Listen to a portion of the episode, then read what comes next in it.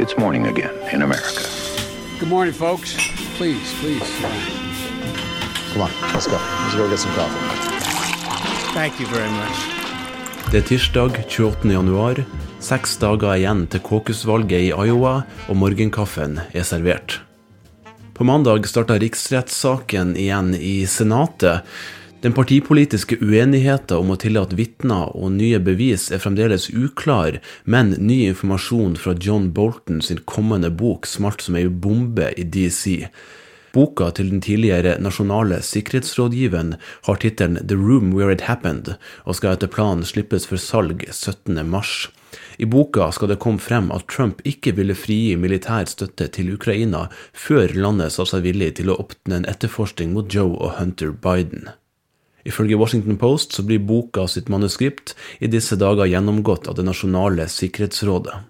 Senator Mitt Romney fra Utah har uttalt at dette øker sannsynligheten for at fire republikanere vil stemme for å høre vitner i riksrettssaken. I, I think it's increasingly likely that other Republicans will will join those of us who think we should hear from John Bolton, and whether there are other witnesses and documents, well, that's another matter. But I think uh, John Bolton's relevance to our decision has become has become increasingly clear.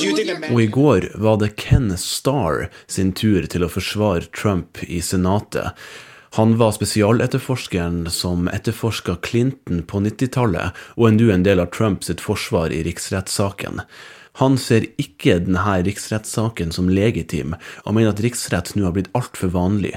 Istedenfor å være noe som skjer én gang hvert århundre, så skjer det nå ofte, og det blir et våpen som brukes mot politiske motstandere.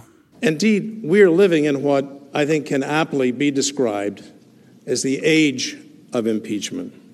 Så tar vi med til slutt at Mike Bloomberg har fått sin femte støtteerklæring fra et medlem av Representantenes hus.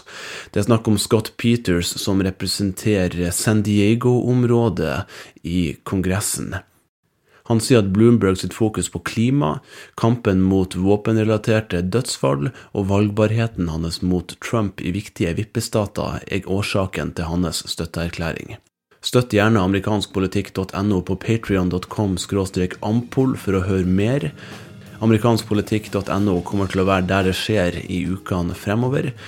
Dagens morgenkaffe fikk du servert av Henrik Skotte og Henrik Østensen Heldal.